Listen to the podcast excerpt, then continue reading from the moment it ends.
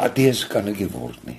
Omdat uh, daar 'n ding met my gebeur het toe ek 17 jaar oud was en ek dit is 'n simpel ding, maar as 'n besef en dit is dat alles is moontlik. Almal is moontlik. Jy's moontlik, sy's moontlik, die hond is moontlik, almal individue. Duisend visse, elkeen is 'n individu. Maar daar's geen manier waarop daai ding agter hierdie oë kon inkom. En wat dit is, weet ek nie. Ek skryf nou daai play oor 'n vrou wat beroerte gehad het. En nou sit ek met die probleem want dit is 'n goddelike tema. Maar hy's hy's 'n bietjie staties. En dit is 'n moeilike ding want die vrou toe sy nou regkom van die beroerte. Toe kon sy net sê fucking kak. Want sy was alles so square soos 'n huis. Maar sy sê op 'n kol vir die ou dokter.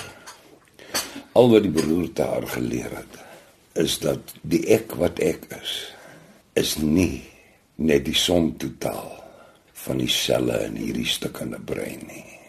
Ek nou op grond van dit sê vir my wat is God in jou mind? Ek glo nie dit is God nie.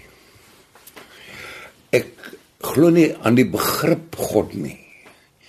Maar al wat ek nie kan meer aan ophou glo nie, is the uncanny something somewhere in the air.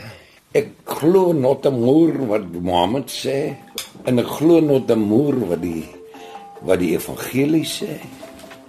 Maar daar is iets in die lug wat die teoloë en die spiritualiste en die hindoes en die boeddiste en die christene en Mohammed misgekyk het. en ek sê nou vir jou as jy hier langs die rivier gaan afloop, jy sê vir die mense hulle moet God vir jou teken. Wat jy gaan die snaakste goed kry. As jy by my is, ja, verstaan jy ja, half. Ek dink ek wat ek by jou hoor is jy moet 'n groot respek daarvoor hê eerder as begrip. Begrip is onmoontlik. Ja. Want ons sit met 5 donderse stomp sinnige sintuie. jy weet, hier sit ons en hier gaan honderde radioprogramme en TV-programme goed deur ons koppe waarvan ons zilch weet. Ons sit op ons gatte want die swaartekrag hou ons hier. Ons kan hom ook nie sien nie, jy weet. Nou van dit gepraat, nê. Nee. Ons gaan bietjie dieper. Ehm um, ek en jy die laaste keer wat ons gepraat het, het ons so bietjie daaraan geraak en jy het iets baie mooi daaroor gesê. Het jy 'n besef dat jy moontlik aan die einde van jou lewe is? Wat, Ja, wat dink jy van die dood? Hoe voel jy oor die dood? Ja, wat Ek, ek bedoel die die die die feit dat jy nou so gekonfronteer was met met die finaliteit. Ja. Jy weet, Isak, ek het geen vrees vir die dood nie. Ek het die vrees vir die hoe. Of ek nog 1, 2, 3 of 4 jaar het, maak nie saak nie. Maar ek is nie gepla oor die feit van vrek nie. Ja. Vrek is 'n afwesigheid. Ja. Dis so eenvoudig. Dis net 'n afwesigheid. Die dood is dus te swaar vir woorde. En hy is die verdwynpunt van alle perspektiewe as mens van perspektief kan praat, want daardie verdwynpunt sluk nie net die lug in nie, hy suig die kyk uit die kykers van kykers fok die binneruim en die observeerders wat wat in lewe nog van perspektief wil praat vlieg agterna die peetjie van die nuut in.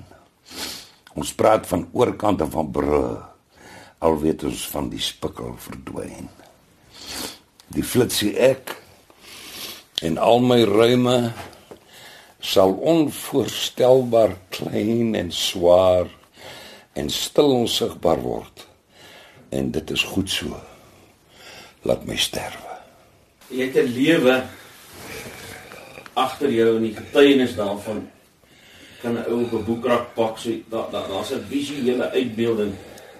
Het jy oor daai besef hoe produktief jy was? Ja, nee wat man, die groot ding is jy maak goed. Ek het 'n play gemaak wat 44 jaar gehou het. Ek het uh, koöperasie stories is die beste TV-reeks. As jy ons mond lees, jy weet dis een van ons beste kortverhale. As jy Fees van die Ongenooides lees, dan dink ek is dalk 'n goeie roman. Uh so ek het 'n paar hoogtepunte gehad. Ek is daar bewus van, maar dis nie vir my die be-all en die end-all nie. Ek gaan vrek. En al wat van my gaan oorbly is my gene. En mense wat my al minder gaan onthou want dit versprei mos, nê. Nee. So dit is nie vir my 'n uh, twispunt nie. Dis my vertaling van issue. Dis nie vir my issue nie.